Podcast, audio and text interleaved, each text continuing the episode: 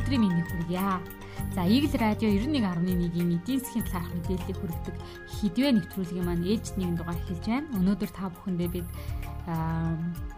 шашны аялал жуулчлалын талаарх мэдээллийг хүргэхээр бэлтгэсэн.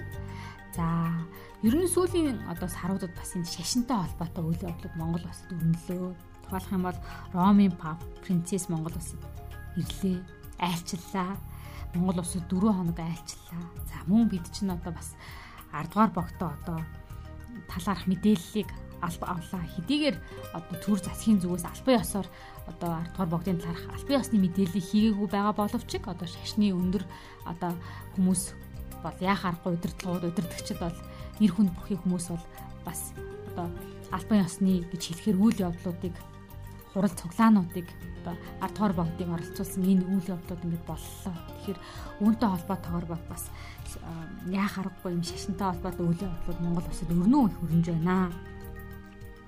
За ер нь аялал жуулчлалын маш олон төрөл байдаг. Спорт аялал жуулчлал, сонирхлын аялал жуулчлал гэдэг. Тэгэд үүний нэг төрөл нь бол юм шашны чиглэлээр шашны одоо шашинтай холбоотойгоор хүмүүс маш их аялд юм байна. За үүнийг шашны аялал жуулчлал гэдэг. За мөн эргэл мөрөглийн аялал жуулчлал гэж нэрлэдэг. Өөрөөр хэлэх юм бол өөрийнхөө итгэдэг, өөрийнхөө итгэл үнэмшил суурилсан газараа очиж мөргөх. Тэнд очиж одоо тухайн шашны одоо удирдгчийн одоо яриаг сонсох, итгэлийг сонсох чуулганд оролцох гэдэг ийм одоо зориултаар хүмүүс маш их аялдаг аа. Тэгээд дэлхийд дахин дэлхийн аян жуулчлалын байгууллагын тооцоогоор жил дунджаар нэг 330 сая хүн бол яг энэ шашныг зориулж чиглэлээр эргэл мөргөлийн сүсэг бишрэл итгэл үнэмшлээ дагаад ингэж аялал хийдэм байна. За Монгол улсын хувьд одоо хэд хоногийн өмнө бас Ромын пап принцесс Монгол улсад ирж 4 хоног айлчсан. Тэгээд энэ одоо католик шашны тэргүүнийг дагаад Монгол улсад бараг 100000 эмжүүлч ирсэн гэсэн мэдээлэл бол байдаг. За тухайлах юм бол Солонгосоос маш их жуулчд ирсэн За мөн урт хөршөөс маш их жуулчд ирсэн гэдэг ийм мэдээлэл бол байгаа. Хятад улсаас ихэд бараг 3000 гаруй жуулчин бол яг энэ принцесс Ромын папи айлчлалыг дагаад түүнийг харахын тулд түүнтэй уулзахын тулд Монгол улсад ирсэн байх чинь. Тэгэхээр энэ шашны өдөртөгчийг дагаад ямар их хүмүүс ирдэг нь шашны аялал жуулчид гэдэг өөрөө хүмүүсийг ямар их сонирхдог нь хүн цаг хугацаа орон зайнаас үл хамааран энэ өөрийнхөө итгэж одоо биширдэг зүйлийнхээ төлөө яаж явдаг нь бол харагдаж байгаа. Ер нь өвөлч гэсэн одоо энтэх рүү маш хүмүүс явдаг. Зуны халуунд ч гэсэн өөрийнхөө ихтгэл өнөмшил, өөрийнхөө хамгийн нандин зүйл болох юм сүсэг бишрлээ дагаад аялдгаа гэд. Тэгэхээр ганцхан одоо хүний айлчлаар ингэж аялж байгаа юм чинь магтгүй энэ одоо сүсэг бишрэлийн аялал бол ямар олон өргөн хүрээг хамарсан юм одоо сэдв бэ гэдэг нь харагдаж байгаа. За ер нь нөгөө Ромын папи айлцсны дараа бас ийм судалгаанууд олон улсад хийгдсэн байт юм байна. Дэлхийн хид хидэн оронд одоо хийсэн судалгаанаас харахад Ромын папын айлчлалын дараа бол одоо тухайн айлчсан улсыг нь зорих жуулчдын тоо бол өсдөг. Өсөхдөө бол дунджаар нэг 10-аас одоо 30% өсдөг гэсэн юм судалгаа байд юм. Тэгэхээр яаж хүмүүст нөлөөлдөг нь яаж аялал жуулчил жуулчдыг татдаг нь бол эндээс харагдаж байна. Тэгээ тийм учраас ч гэсэндээ энэ одоо шашны төвүүд бол нэг талаас шашны төв нөгөө талаас аялал жуулчдын төв бол байдгаа. Тэгэхээр та бүхэн одоо түрүүн мөн л түрүү хэлсэнчлэг католик шашны төв болох юм бидний нэрлэлтгээр одоо гэгэн ширэт улс гэдэг Ватикан улс тийм ээ. Энэ улс бол өөрөө энэ улсын эдийн засгийн хамгийн том орлогыг нь авчирдаг зүйл нь бол жуулчд. Өөрөөр хэлбэл аялал жуулчлал за шашин дагсаа аялал жуулчд байдаг. Тэгээд одоо баг эдийн засгийнх нь баг 90% нь одоо 90% нь бол яхааргүй аялал жуулчлалын салбартай холбоотой байдгаа гэдэг ийм судалгаанууд бол байдгаа. За ер нь бол Ватикан буюу гигэн ширээд улсад бол жил дунджаар нэг 5-аас 6 сая жуулчин бол ирдэг гэд. Тэгэхээр 8 дугаар сарын байдлаар гээд аваад үзэнгүүт Монгол улсад бол ирсэн жуулчдын тоонууд ингээ гарч байгаа. Тэгэхээр бид бол нэг сая жуулчин аавна гээл ингээд авч чадахгүй л яваад байгаа. Гитлийн шашны одоо төв болсон энэ жижиг хэмжээний гэгэн ширээд ус тэгэхэд баг ингээд жилдээ 5 6 сая хүн очиж чинь ингээд бодонгууд чинь яах аргагүй маш их чухал болох нь харагдаж байна. За мөн үүнээс гадна буддын шашинтнууд бол Азийн хид хідэн улсыг зорддог. Энэтхийг зорддог, Непалыг зорддог, Балб гэд. Төвдийг зорддог гэд. Тэр энэ яагаад зорж байгаа юм? Мэдээж энэ одоо айлж юу шашинтай л холбоотой тийм ээ. Монголчууд ч гэсэн маш их шашны айлж уулчлаа гадагшаа аялдаг. хамгийн одоо наад захын жишээ бол бид нар ихтгэл там руу маш их явдаг. За мөн утаа гүмбүн гэдээ явдаг. Тэгэхээр бид нар ч гэсэндээ маш их аялдаг. За мөн одоо бурхны шашны чиглэлээр аялахын тулд эндхийг зорддог. Бид тэр бүтээл монголчууд бол ингээд өвөлж зорж яадаг. А мөн одоо зунж зорж яадаг. Ерөөсөө улирал энэ хамаарахгүйгээр зорддог. Далаа одоо багшийн Далай ламын айлтгалыг сонсохын тулд маш их явд юм байна. Жил дунджаар нэг 2 20 2000 хүн бол ингээд Монгол хүн бол шашны аялал жуулчлалаар эндхийг зордгоо гэсэн юм мэдээлэл бол байна. Тэгэхээр гадаадд энэ шашны аялал жуулчлал маш өргөн хөгжсөн байна. Дотоодд ч гэсэндээ бид нэр ихтгэл там руу маш олон явдаг байна. Утааг өмнө рүү очиж ингэж эргэж мөргөдөг.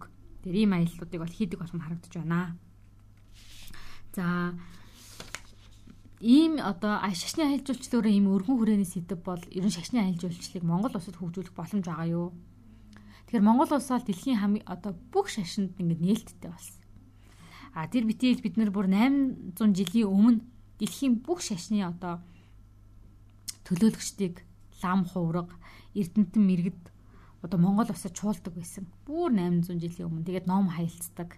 Бүгд энд эрх тэгш ингэж одоо хөгждөг байсан. Тэгэд ийм шашинд нээлттэй бүх шашны хүмүүсийг ингэж хүлээн зөвшөөрдөг Монгол улс ер нь ингэ шашны айлжуулчлаар хөгжих боломж ер нь байгаа юу гэдэг асуулт мэдээж урган гарнаа. Тэгэхээр мэдээж шашин гэдэг бол нэг талаас маш их эмзэг сэдв боловч мэдээж биднээс хамаарахгүй гадаа дотоод маш олон хүчин зүйл нөлөөлдөг боловч бас ингэ шашны аялжуулчлалыг хөгжүүлж чадах юм бол бидэнд бас шашны аялжуулчлалыг хөгжүүлэх, орлого олох, жөөслийг татах ийм бол боломж байна. Ялангуяа энэ одоо сэдвүүд бол буддын шашны чиглэлээр бид аялал жуулчлалыг хөгжүүлэх бол боломж байгаа. За өнөөдөр ингээд хөгжүүлээ, маргааш хөгжүүлээ гэдэг эсвэл 1 жил, 2 жилийн хугацааны мэдээж асуудал биш. Тодорхой хэмжээний цаг хугацаа бол хэрэгтэй. Гэхдээ бидэнд бол боломж байгаа гэдгийг хэлхэн зүйтэй. Тэгэхээр Аз номхон талаа энэ бүс нутаг бол өөрөө дэлхийн шашны аялал жуулчлалын хамгийн гол цэгүүд байдаг.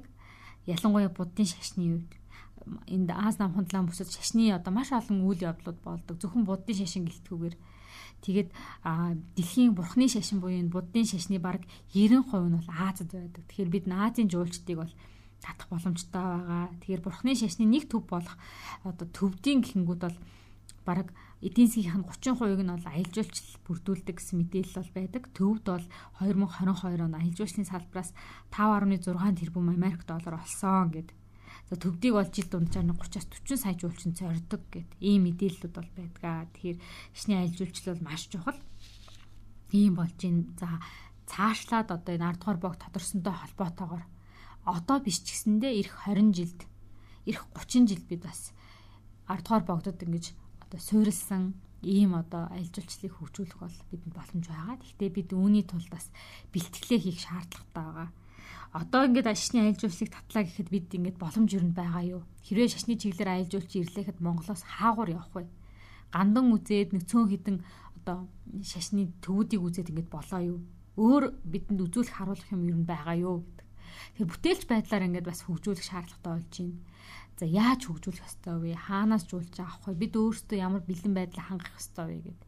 Өөрөөр хэлбэл шашны аялал жуулчлалын одоо системийг бий болгох шаардлагатай болж байна. Ирэх 10 жил бид ингэж хөгжүүлнэ, 20 жил бид ингэж хөгжүүлнэ гэсэн юм наад зах юм мастер төлөвлөгөө бол хэрэгтэй болж байна.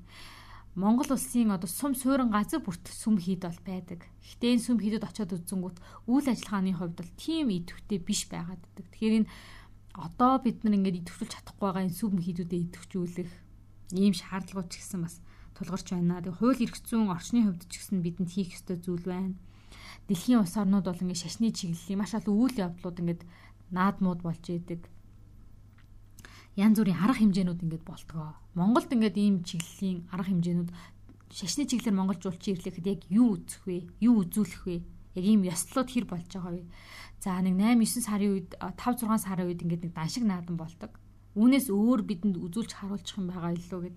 Тэгэхээр шашны ажилч Монголд хөгжих ёстой одоо энэ бол ингээд ийм том сэдв юм байна гэж ярихаас өмнө бид бэлдэх юмнууд маш их байна. Яаж жуулчдыг татах вэ? Ямар бэлэн байдлаа хангах вэ гэдэг ийм асуудал тулгарч байна. Ер нь дэлхийн аялал жуулчлалын байгууллагын тооцоогоор энэ чиглэлийн аялал жуулчлал юм хөгжих бол боломж байгаа гэсэн ийм мэдээллийг өгч байгаа. Яагаад тэгэхээр Яагаад хүмүүс ингэж шашны аялал жуулчлалын эргэл мөрөглийн чиглэлээр ингэж сүсэг бишрэглийг дагаад ингэж яваад байна уу гэхээр хид хідэн шалтгаантай цар тахлын дараагаас эхлээд ер нь дэлхийн аялал жуулчлалын чиг хандлага өөрөө өөрчлөгдөж байгаа. Тэгэхээр хүмүүс өмнө нь ингээд зугаацах гэж ч юм уу, юм үзэх гэж маш их аялдаг байсан бол одоо хүмүүс өөрийгөө хайх гэж, өөрийгөө олох гэж сэтгэлийн оюун санааны амар амгалан байдлыг эрэлхийлэх гэж бүр тэр битэл хүмүүс зөвхөн нойрсож сайхан унтаж амрах гэж хүртэл аялж байгаа. Тэгэхээр энэ сэтгэл зүйн эрүүл мэнд, оюун санааны эрүүл мэнд гэдэг зүйл өөрөө хүмүүст маш их чухал болж байгаа учраас энэ сүсэг бишрлээ дагаад хаана очивол би тайлтгарч, тайвширч, гэгэрч, гэгэрэлд илүү хүрч чадах уу гэдгээ хүмүүс сонирхож байгаа учраас энэ чиглэлийн аялал жуулчлалыг маш хөгжиж байна. Сэтгэл зүйн хувьд амрахын тулд.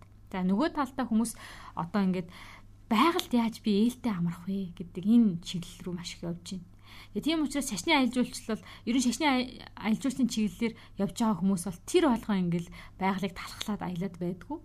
Аль болох одоо зөв зүйтэй ингэж аялдаг. Тэгээ тэр утгаараа гэд хит хитэн шалтгааны улмаас ер нь бас ийм чиглэлийн аяллууд маш их хөгжиж байна гэж харж болохоор байна.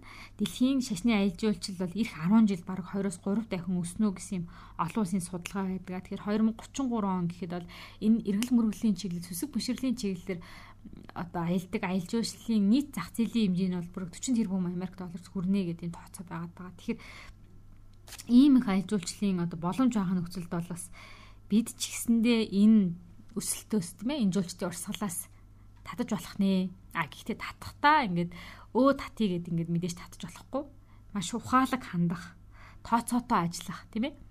Өөрөө түрүүн хэлсэнчлэн одоо шашны аялал жуулчлал гадаад хүчин зүйлийн нөлөө их байдаг, дотоод хүчин зүйлийн нөлөө ч их байдаг. Ийм сэдв учраас бид үүндээ бэлэн байж, бид үүнд ухаалгаар, тооцоотойгоор хандаж, шийдвэр гаргаж бэлтгэж чадах юм бол бас ингээд жуулчдын урсгалыг татах нэг боломж нь яах аргагүй.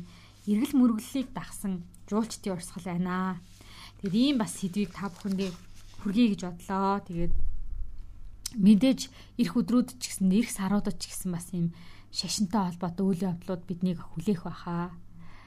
Тийм ээ альбом төр засгийн зүгээс албан ёсооч мэддэггүй ч гэсэндээ шашны хувьд одоо том том үйл явдлуудаас харагдаж байгаа энэ 10 дугаар богд тойрсон энэ үйл явдлууд өрнөх бах. 10 дугаар богд бол мэдээж Монголын оюун санааны Монголын шашны маш том өдөрдөгч байх нь дамжиггүй нэмээд энэ хүн бас ингээд дэлхийн ялангуяа энэ буддын шашинтнуудын за одоо Монгол түүнийг төрсэн өвөр Монгол буряд гэд энэ Монгол үндэстнүүдийн үндэстнүүдийг тайрсан одоо ийм бас оюун санааны шашны одоо удирдахч болох нь бол дамжиггүй. Энэ бол цаг хугацааны асуудлаа гэдгийг бол энэ шашин шудлаачид хэлж байсан. Тэгээ бид ч гэсэн ийм үйл явдлуудаар ийм сайхан үйл явдлуудаар дүүрэн бас юм өдрүүд бидний хүлээж байна. Тэгэхээр үүнтэй холбоотойгоор та бүхэндээ бас шашны аялал жуулчил, шашин дагсан эдийн засаг, бизнесийн орчинтой холбоотой мэдээллийг хүргэлээ. Тэгээд сонсогч та бүхэндээ одоо ингээд намрын сарууд гарч ийн өвөл бас ингээд ойртож ийн тийм ээ та бүхэн маань дархлаагаа сайн дэмжээрэй удирлаас удирлын хооронд бас хүний дархлаа унахын тохиолдлууд байдаг сайн дулаалж байгаараа дархлаагаараа дархлаагаа сайн дэмжээрэй гэж зөвлөе. Бид хамт ясанд их баярлалаа.